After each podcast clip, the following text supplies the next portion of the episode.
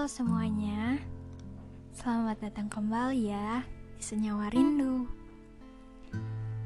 Sebenarnya aku belum tahu sih mau ngebahas apa, lebih spesifiknya. Cuman, bentar deh, aku menyapa kalian dulu. Hai, apa kabar sama kamu? Semoga hari ini baik-baik aja ya dan semoga juga kalian diberikan kesehatan dan juga kebahagiaan. Um, ngomong-ngomong tentang kebahagiaan ya, kalian udah bahagia belum di hari ini? Bahagia kalian udah tersalur ke siapa aja?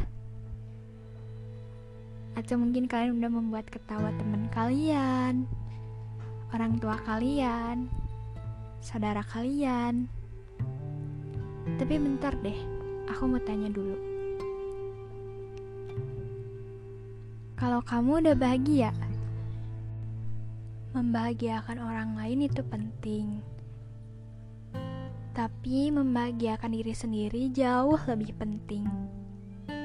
Tapi ya, terkadang juga di saat kita bisa membahagiakan orang lain, dan orang itu tertawa. Itu rasanya lega banget. Secara nggak langsung, kayak diri kita juga kebawa bahagia. Ya gak sih? Atau bahkan ada di antara kalian yang justru pretending yourself, hiding yourself, Jadi yang aku maksud adalah di saat orang lain menilai kamu adalah sosok orang yang ceria karena kamu bisa membuat dia bahagia, ketawa. Tanpa kamu sadari, ternyata kamu gak bisa bahagia dengan diri kamu sendiri. Kalau ada, aku salut banget. Kamu hebat. Kamu hebat bisa membuat orang bahagia lalu tertawa, sedangkan kamu sedang terluka. Um, ternyata susah juga ya berdamai dengan diri sendiri,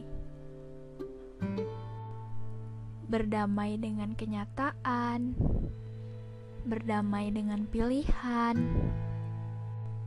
Karena terkadang saat kita beranjak semakin dewasa, pilihan tuh udah bukan lagi suatu tindakan yang harus kita pilih salah satunya. Kadang kita perlu melakukan dua tindakan tersebut. Kita mengambil dua pilihan supaya kita tahu mana yang baiknya dan juga mana yang buruk. Dan dalam hidup ini, kita hanya punya kepedulian dalam jumlah yang terbatas. Makanya, kamu harus bijaksana dalam menentukan kepedulian. Yang tadi aku ucap itu kalimat yang diucapkan oleh Mark Manson. Beliau adalah seorang blogger kenamaan dengan berjuta-juta pembaca. Ia tinggal di New York. Dia adalah seorang yang menerbitkan buku berjudul Sebuah Seni untuk Bersikap Bodo Amat. Itu mungkin salah satu buku rekomendasiin yang bagus sih, bagus banget. Kalian jadi punya banyak cara berpikir yang gak hanya dalam satu perspektif. Nah, lanjut lagi ngomongin tentang diri sendiri tentang bersusahnya berdamai dengan diri sendiri. Karena terkadang tuh faktor lingkungan terdekat kita yang menyuruh kita untuk cepat menjadi dewasa.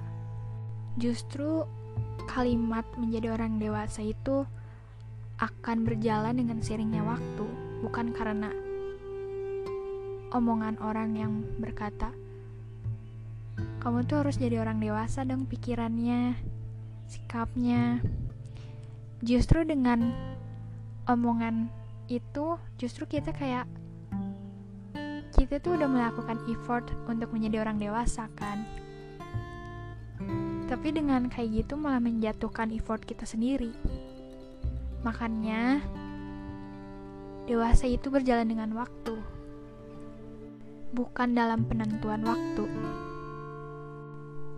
untuk sekarang mungkin kita hanya bisa merancang sebuah harapan sebuah keinginan dan mungkin juga belum bisa terwujudkan.